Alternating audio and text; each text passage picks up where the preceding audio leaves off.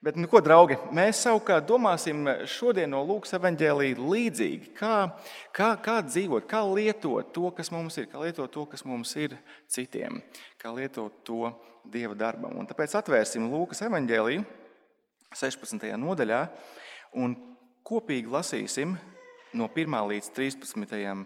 pantam. Lūkas evanģēlijas 16. nodaļa, 1 līdz 13. pants.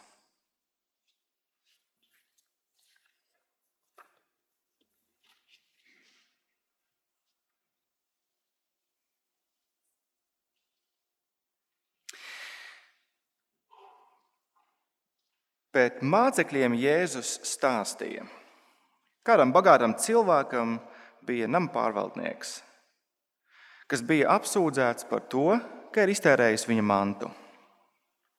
Un atcaucis to viņš tam sacīja: Ko es dzirdu par tevi?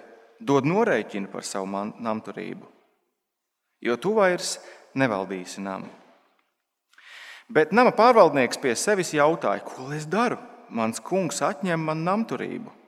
Rak man nav spēka, un ubagot es arī kaunos.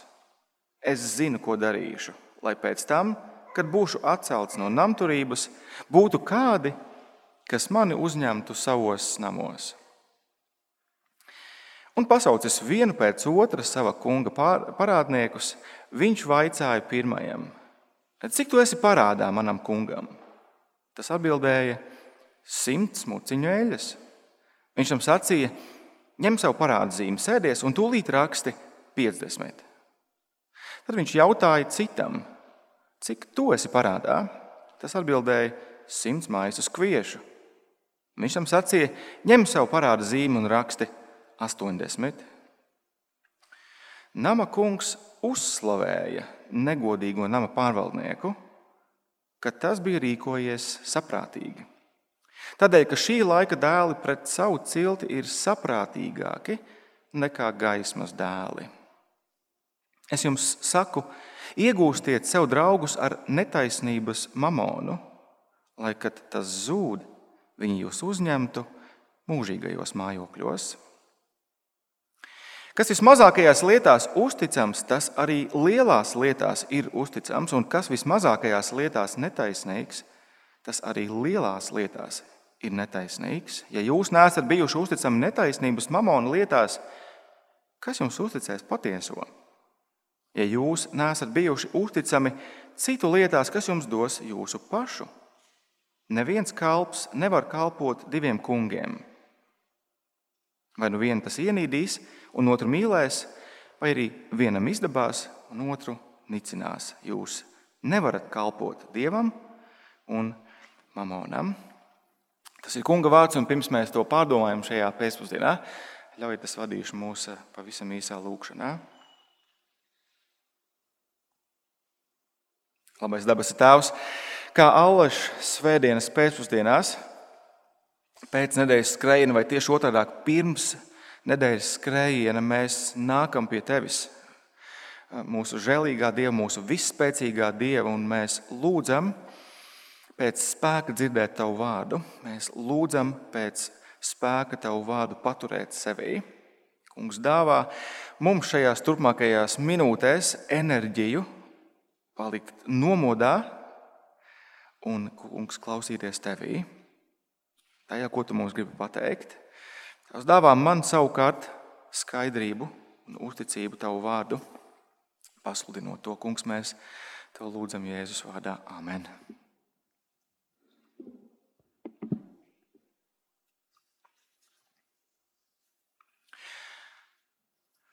Cik tev ir viegli daļēji piekrist kaut kam, ja tu nespēji piekrist pilnīgi visam? Jeb vai tu spēj saskatīt kādā lietā eh, liederību, gudrību pat tad, ja kopumā tu nespēji atbalstīt kaut ko? Nu, piemēram, cik viegli mums ir atzīt, ka, ka politiskais spēks, kuru vērtības mēs kopumā neatbalstām, Kādos jautājumos ir rīkojies izdarīgi, saprātīgi? Cik viegli mums ir atzīt to, ka kādas pilsētas mērs ir bijis attapīgs resursu pārvaldītājs, ļaujot pilsētai uzplaukt, pat tad, ja kopumā mēs nevaram atbalstīt viņa morāli, viņa metodes. Mūsu savādais stāsts šodien par negodīgo pārvaldnieku, mēs viņu varam saukt par aivaru vai vienalga kā, eh, liek mums ieraudzīt tieši to. Daļēja atzīšana nenozīmē pilnīgu atzīšanu. Par ko īsumā vēlreiz ir stāsts, kur mēs tikko lasījām? Stāsts ir par pārvaldnieku. Pārvaldnieku, kurš ir izšķērdējis sava saimnieka mantu, un tāpēc viņa saimnieks pieprasa norēķinu. Un tā kā pārvaldnieks nav ne čakls, ne pazemīgs, eh, nākotne viņam nerādās pārāk spoža. Pareizi mēs ieraugām to trešajā pantā. Taču tad pār viņu nāk apgaismība. Viņš zina, kas viņam ir jādara. Viņš pasauc sava kunga parādniekus un iegriež ar viņiem cita veida biznesu, ar šiem nemazāk palākajiem sava kunga klientiem. Un mums par pārsteigumu, tai vietā, vēl, lai vēl vairāk lai lielāku eh, norājienu saņemtu no sava kunga, viņa kungs un iekavās Jēzus ar šo gājienu uzslavē negodīgo pārvaldnieku. Bet tajā pašā laikā mēs ieraugām, ka viņš neatbalsta visu šo rīcību pēc būtības un pilnībā. Un, draugi, Jēzus grib pateikt, ka mums, mums šodien ir ko mācīties. Daudziem ziņā ir ko mācīties ehm, pat tad, ja mēs nevaram piekrist visam pilnībā. Runa ir tieši par to, kā rīkoties ar saviem mantiskajiem resursiem. Jēzus izaicinājums kristiešiem šodien ir tajā, ka pasaulīgie cilvēki bieži spēj labāk parūpēties par sevi, parūpēties par saviem bērniem, nekā to spēja pat kristieši. Astotā panta nobeigums ieskatieties, šī laika dēli pret savu cilti ir saprātīgāki nekā gaismas dēli. Tad ko īsti Jēzus ar šo līdzību grib pateikt saviem mācekļiem un, arī mums šodien? Nedaudz atkāpsimies. Jēzus vēlas, lai viņa mācekļi izlieto sev piedarošos resursus saskaņā ar to, ko dara Dievs. Un to, ko dara Dievs, mēs redzējām iepriekšējās nedēļās. Pareizi, Dievs meklē, Viņš nāk, Viņš meklē un Viņš glābi pazudušos. 15. nodaļā Jēzus atklāja, ka Dieva darbs ir meklēt un glābt pazudušos. Jēzus, kā Dieva sūtītais valdnieks, to atklāti nodemonstrēja. Viņš pulcināja ap sevi pazudušos muitniekus un grēciniekus, bet viņš arī aicināja atgriezties no grēkiem citus pazudušos, kuriem šķita, ka viņam to nevajadzēja. Rakstu mācītājus un farizējus.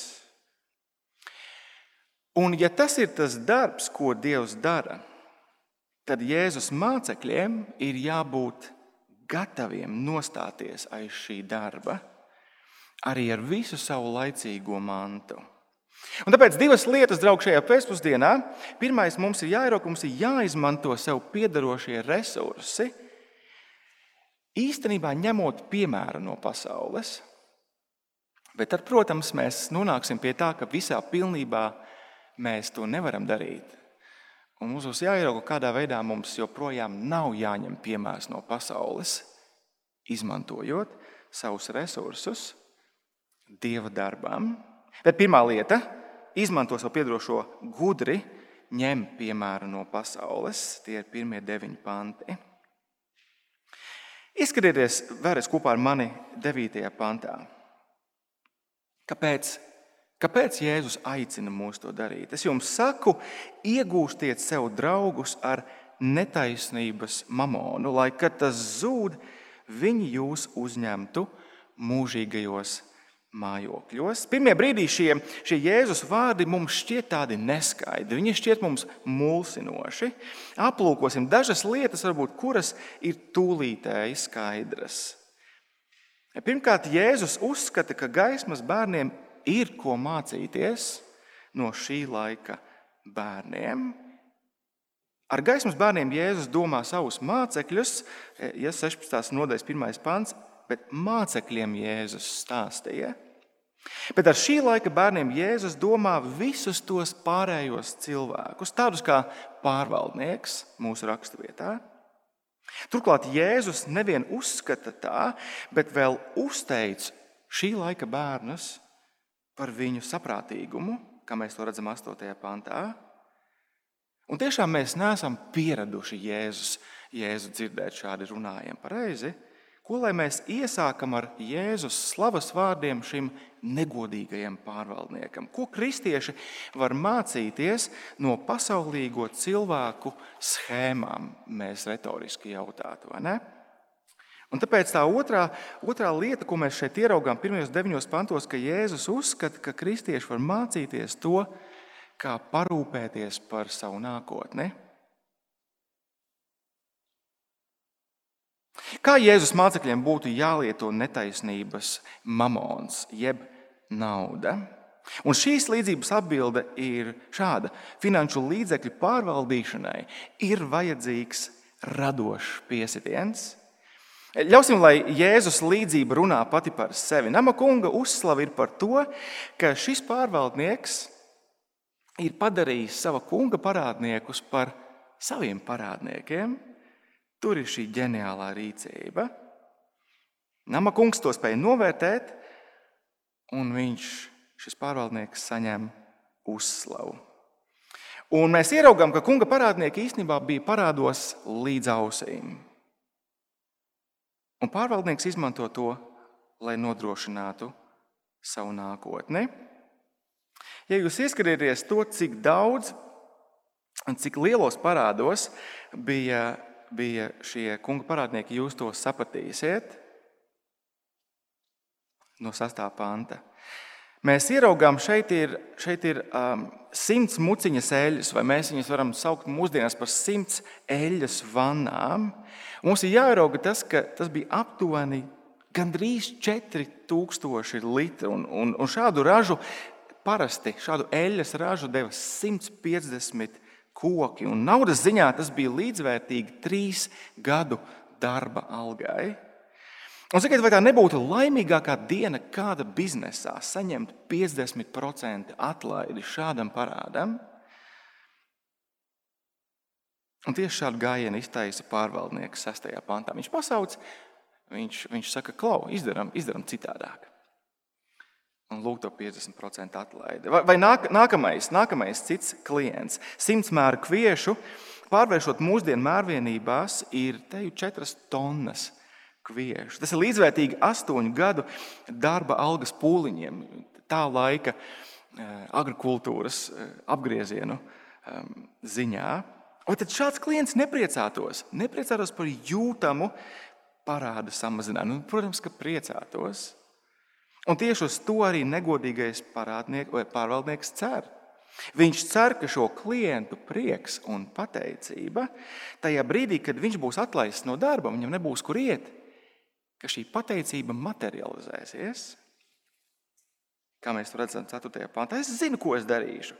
Lai pēc tam, kad būšu atcelts no namturības, būtu kādi, kas mani uzņemtu savos namos. Es domāju, ka mums nav grūti novērtēt šī negodīgā pārvaldnieka attapību. Pareizi. Tur ir kaut kas ģeniāls. Tas ir nekustamā īpašuma aģents, kurš izmanīgi samazina izmaksas kompānijas klientam, lai krīzes brīdī viņam atlec nu, tas viens dzīvoklītis. Nepārāk lielais, bet pietiekami labais dzīvoklītis savām vajadzībām. Tad, kad viņš par šīm schēmām būs atlaists no darba, ģeniāli. Bet, protams, ka grūtāk ir ieraudzīt to, kā šo piemēru mēs varam attiecināt uz sevi kā kristiešiem. Nu, ko mums būs darīt ar šo piemēru? Vai mums būtu jāiemācās tiešām efektīvi schēmot, lai parūpētos par nebaltajām dienām? Eh, vai arī tiktu augstāk par karjeras kāpnēm kādā brīdī? Bet, protams, ka, draugi, tas nav tas, ko Jēzus šeit vēlas izcelt. Pārvaldnieka rīcība bija joprojām morāli nepareiza. Mums visā tās kopumā šāda rīcība ir jānoraida. bet vienlaikus tā bija praktiski ģeniāla. Un, draugi, mums ir jāierauga, ka Jēzus stāsta šo līdzību mācekļiem šajā brīdī, lai viņi izmantotu savus resursus Dieva darbā. Atkal, kas ir Dieva darbs? Meklēt un glābt pazudušos Dieva valstībai. Kādā ziņā tā ir gudra rīcība izmantot savus resursus, lai meklētu un glābtu pazudušos Dieva valstībai?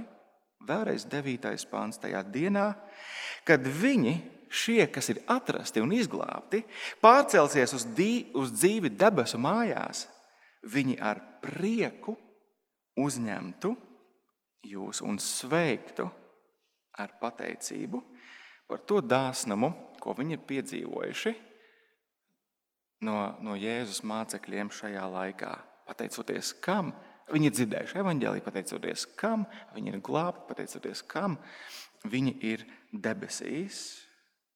Un sakiet man, draugi, vai šajā attēlā nav kaut kas brīnišķīgs? Vai tajā nav kaut kas skaists? Tas dāvā vajadzīgo motivāciju, tas dāvā vajadzīgo perspektīvu mums uzticēto resursu dievbijīgai pārvaldīšanai šajā laikā, izmantošanai valstības darbam. Padomāsim brīdi. Iedomājieties visus tos cilvēkus, kas ir ziedojuši savus līdzekļus, piemēram, šo, šo mūsu draugu nodrukāto um, kabatas izmēra evaņģēliju uh, tapināšanai ka tie mums ir, ka mēs tos varam izmantot, lai pasludinātu evaņģēlīju. Bērnu klubiņā, kādos citos pasākumos, eh, kur, kur, kur nāk cilvēki, kas nekad nav dzirdējuši skaidru vēsti par Jēzu. Irmaities! Cilvēki, kas ziedo savus līdzekļus, visticamāk, nekad neuzzinās, kurš un kad un kādā rezultātā ir kļuvis par daļu no Dieva valstības.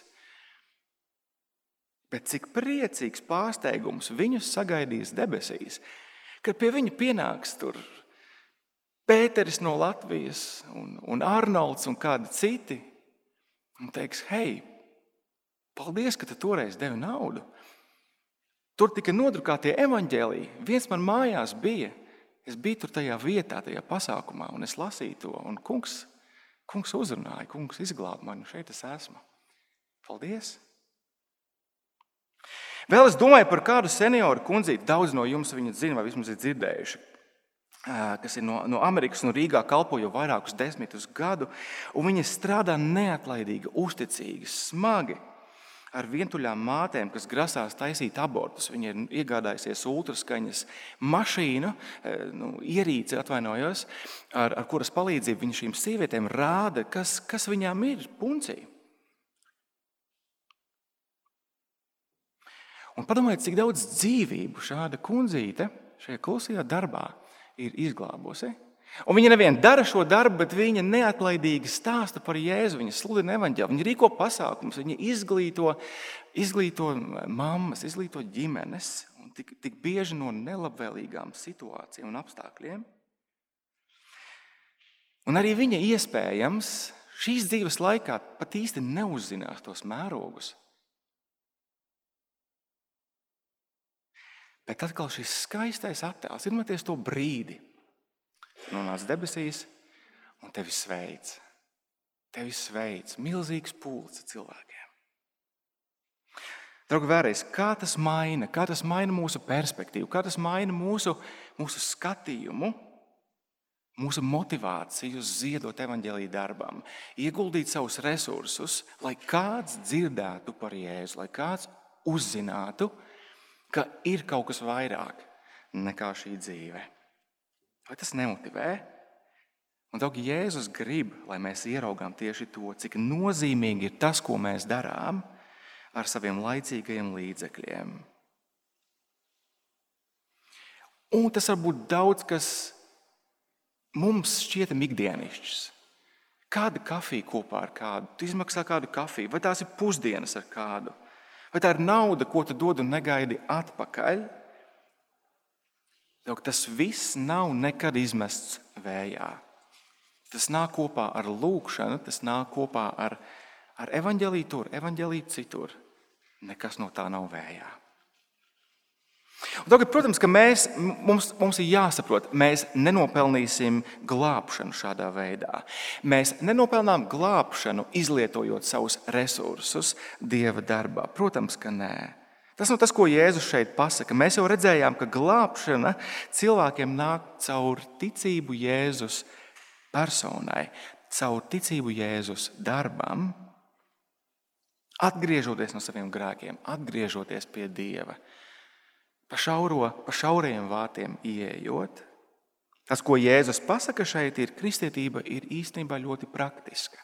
Vēl vairāk kristietība ir pārsteidzoši radoša. Kā mēs varam iegūt draugus mūžībai, lietojot to, ko Dievs mums ir devis šajā laikā? Kā mēs vēl gudrāk un efektīvāk varam izmantot savus līdzekļus, lai svētītu citus cilvēkus? Nekas no tā nav vējā. Bet tad jau jautājums par mācekļiem toreiz noteikti, un, protams, ka jautājums par mums šodien ir, pie kādiem nosacījumiem Jēzus māceklis savus līdzekļus guldīs iekšā tajā, ko Dievs dara, lai meklētu pazudušos, lai pazudušie varētu tikt izglābti. Un, manuprāt, atlikusī līdzības sniedz mums atbildi ka mācekļi materiāli ieguldīs Dieva darbā vienīgi tad, ja viņi tiešām kalpos patiesajam Dievam, izmanto sev piedarošo gudru, neņem piemēru no pasaules. Izskatieties no desmitā panta, eh, šajā brīdī nolasīsim. Kas vismazākajās lietās uzticams, tas arī lielās lietās ir uzticams. Un kas vismazākajās lietās netaisnīgs, Tas arī lielās lietās ir netaisnīgs. Ja jūs neesat bijuši uzticami netaisnības mamona lietās, kas jums uzticēs patieso?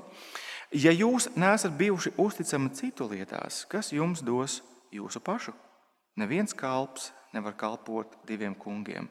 Vai nu vienu viņš ienīdīs un otru mīlēs, vai arī vienam izdabās un otru nicinās. Jūs nevarat kalpot dievam un mamonam.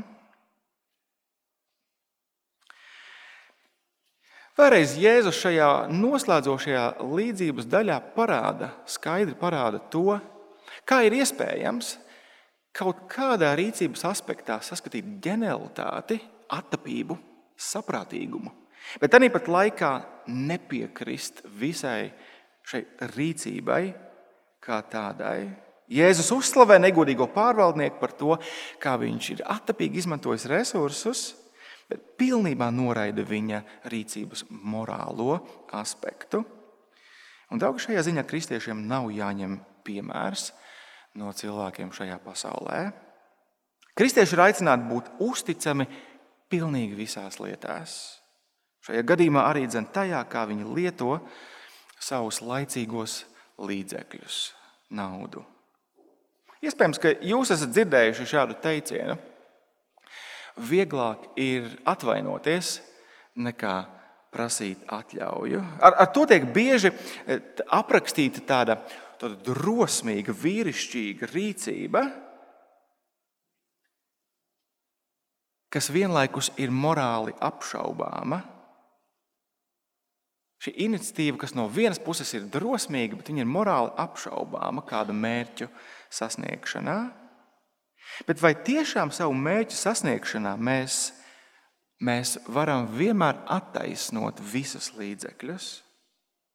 Un, draugi, šajos noslēdzošajos pantos Jēzus liek pie sirds saviem mācekļiem, ko ļoti svarīgu. Proti, ir būtiski nevien, ka tu sasniedz savu mērķi vai mērķi vispār, bet arī kā tu to izdari. Tā tad ir atšķirība starp to, vai tu sasniedz savu mērķi, būdams uzticams, vai arī tu sasniedz mērķi, būdams neusticams. Negodīgais pārvaldnieks ir kāds, kurš attaisno jebkurus līdzekļus savu mērķu sasniegšanā. Bet tas ir arī viss, ar ko viņš var rēķināties. Tas ir viss, kas viņam ir. Ieskatieties 12. pantā. Ja jūs neesat bijuši uzticami citu lietās, Kas jums dos jūsu pašu? Un, un draugi, pirmā brīdī, kad mēs lasām šo, šo līdzību mums likās, ka Jēzus kaut kā pēkšņi nomaina tēmu, viņš pārslēdzas, bet Jēzus nenomaina tēmu. Viņš joprojām runā par negodīgu pārvaldnieku, kurš nav bijis uzticams kunga lietās. Un, ja viņš nav bijis uzticams kunga lietās, viņam vairs neviens nedos savu paša lietu. Tas ir viss, kas viņam paliks. Vairāk viņam uzticēts netiks. Un Jēzus izvēlas pielietot šeit argumentu no, no, no mazākā uz lielāko. Ja kaut kas ir patiesība mazākā apmērā, tas būs patiesība arī lielākā apmērā. Desmitais pāns, eh, ilūkoties, kas vismazākajās lietās uzticams, tas arī lielās lietās uzticams, un kas vismazākajās lietās netaisnīgs, tas arī lielās lietās ir netaisnīgs. Un, un mēs, mēs reāli saprotam no, no pavisam elementāriem dzīves piemēriem, kā tas strādā pareizi. Darbinieks, kurš, kurš ir pieķerts, nesot ārā no biroja kopēšanas papīru, visticamāk, viņš nebūs noderīgs e, projekta finanšu vadītājs. Nu, viņš nebūs. Tur viss ir beidzies. Nu, protams, ka pasaulē vienmēr ir izņēmumi. Ir iespējams pieļaut veselas bankas nolaišanu pa burbuli, bet jau nākamajā brīdī vadīt saimas budžeta un finanšu komisiju. Pasaulē vienmēr ir izņēmumi, bet kopumā mēs saprotam, ka normālos apstākļos tā nevajadzētu būt. Dieva namturībā turklāt šādām lietām nav vietas. 11. pāns. Ja jūs neesat bijuši uzticami netaisnības mamona lietās, kas jums uzticēs patieso. Jēzus pavisam nepārprotami šeit pasaka to, ka uzticība laicīgās mantas, eh, atvainojas neusticība laicīgās mantas lietās, diskvalificē no kalpošanas atbildības. Kas jums uzticēs patieso? Bībelē ir vairāki dramatiski piemēri, dramatiski piemēri, kurus atspoguļojas. Atcīm redzot, tāpēc, lai mēs saprastu, ka ar Dievu nav pilnīgi nekāda joku. Eh, piemēram, viens no Jēzus 12 mācekļiem, Jūda, mums ir labi zināms. Viņš bija atbildīgs par Jēzus kalpošanas eh, budžetu. Viņš turēja tā saucamo maku. Bet Jūda bija zaglis. Viņš bija kāds, kurš piesavinās iemaksas kopīgajā makā.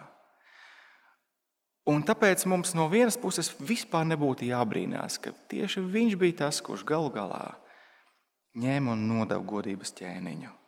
Tas, kā tu lieto naudu, pasaka kaut ko par tevi. Kad Pāvils rakstīja jaunajam sludinātājam Timotejam, viņš deva virkni ar instrukcijām tā saucamajās pastorālajās vēstulēs. Par to, kādiem ir jābūt kritērijiem vecajā, kādiem jābūt kritērijiem diakonu iecelšanai draudzē. Un abos gadījumos viens no kritērijiem ir tieši, tieši šis. Un šis tiešā veidā saistīts ar laicīgo mantu. Tur, tur vienā no vietām Pāvils saka, lai nav mantrausīgs, lai nav tāds, kurš negodīgi rauš mantu. Un vēlreiz tas atbalsojās šeit Jēzus vārdos 11. pantā. Ja jūs nesat bijuši uzticami netaisnības mamona lietās, kas jums uzticēs patieso?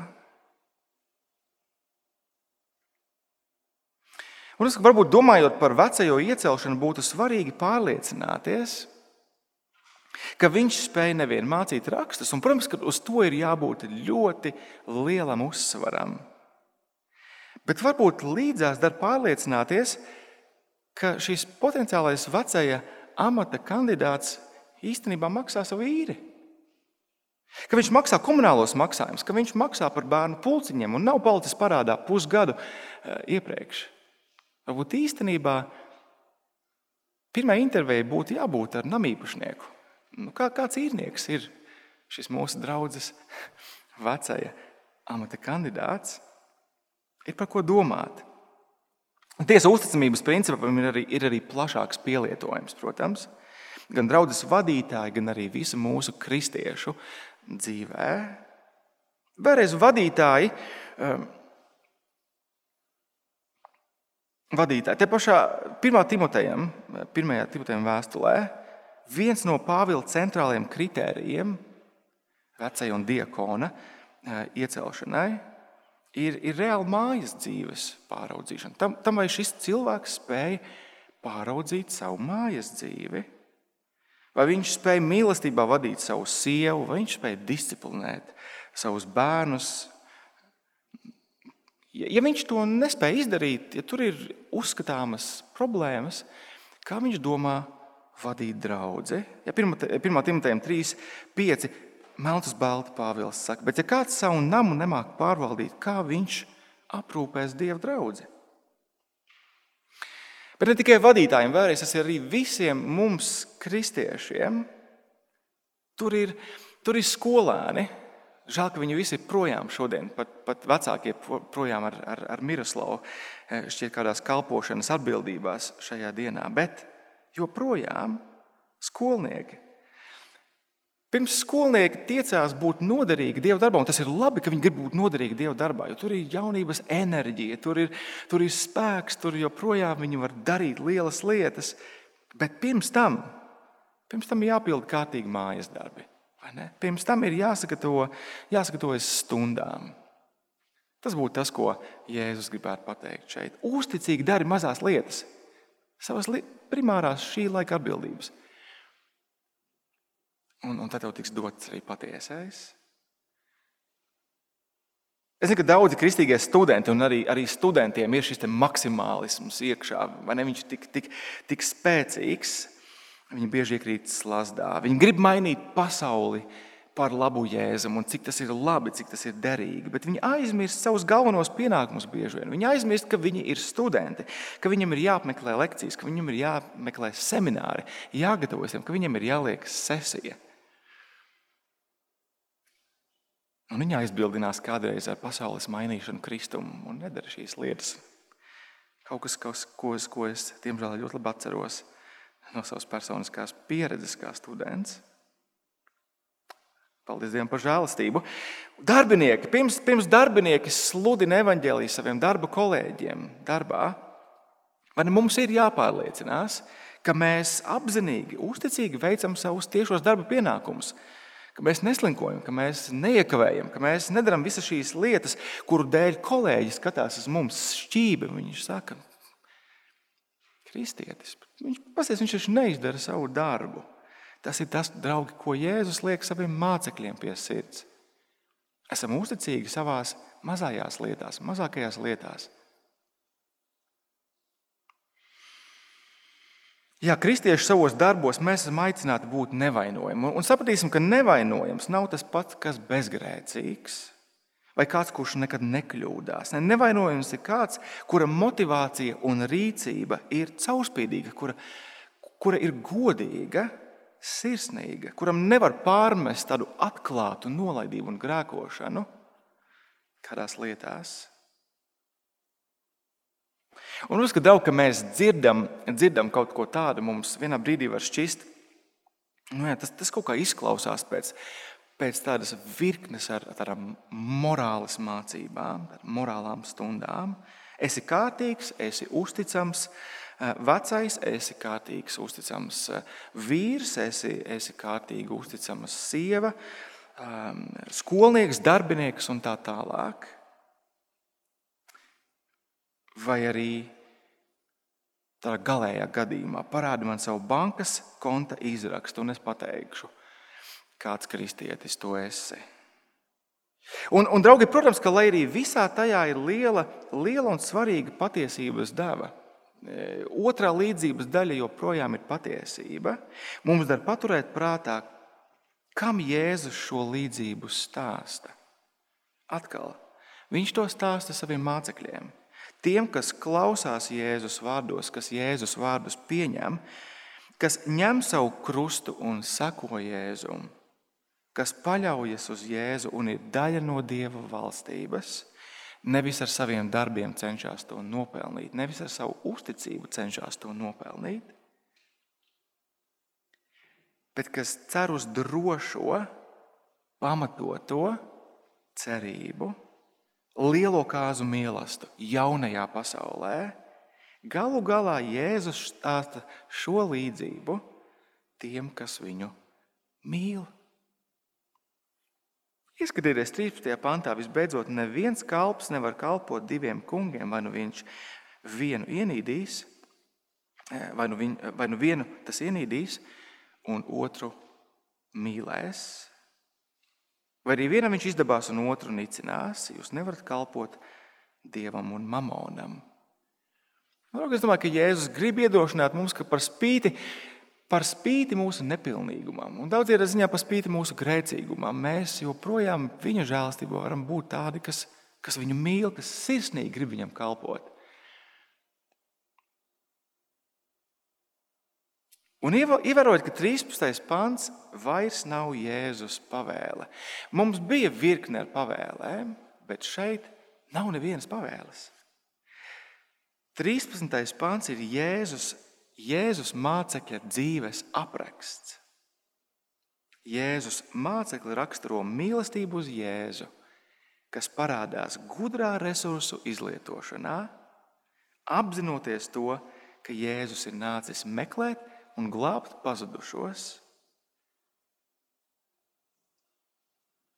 Un Jēzus mācekļi lieto savu naudu, savus resursus, lai līdzdarbotos šajā darbā uzticīgā resursu pārvaldīšanā un tajā skaitā dzīvošanai šajā pasaulē kā atbildīgam eh, darbiniekam, atbildīgam skolniekam, atbildīgam vīram, atbildīgai sievai, kas mums katram ir uzticēts.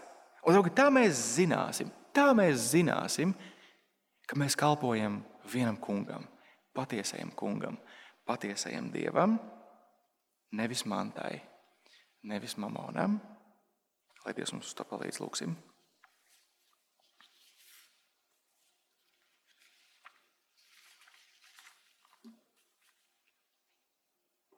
Kungs, mēs lūdzam, dari mūs, dari mūs pazemīgākus, pasargā mūs no paštaisnības, kad mēs kā kristieši iedomājamies, ka, ka mums nav pilnīgi nekas, ko, ko mēs varam mācīties no, no cilvēkiem šajā pasaulē.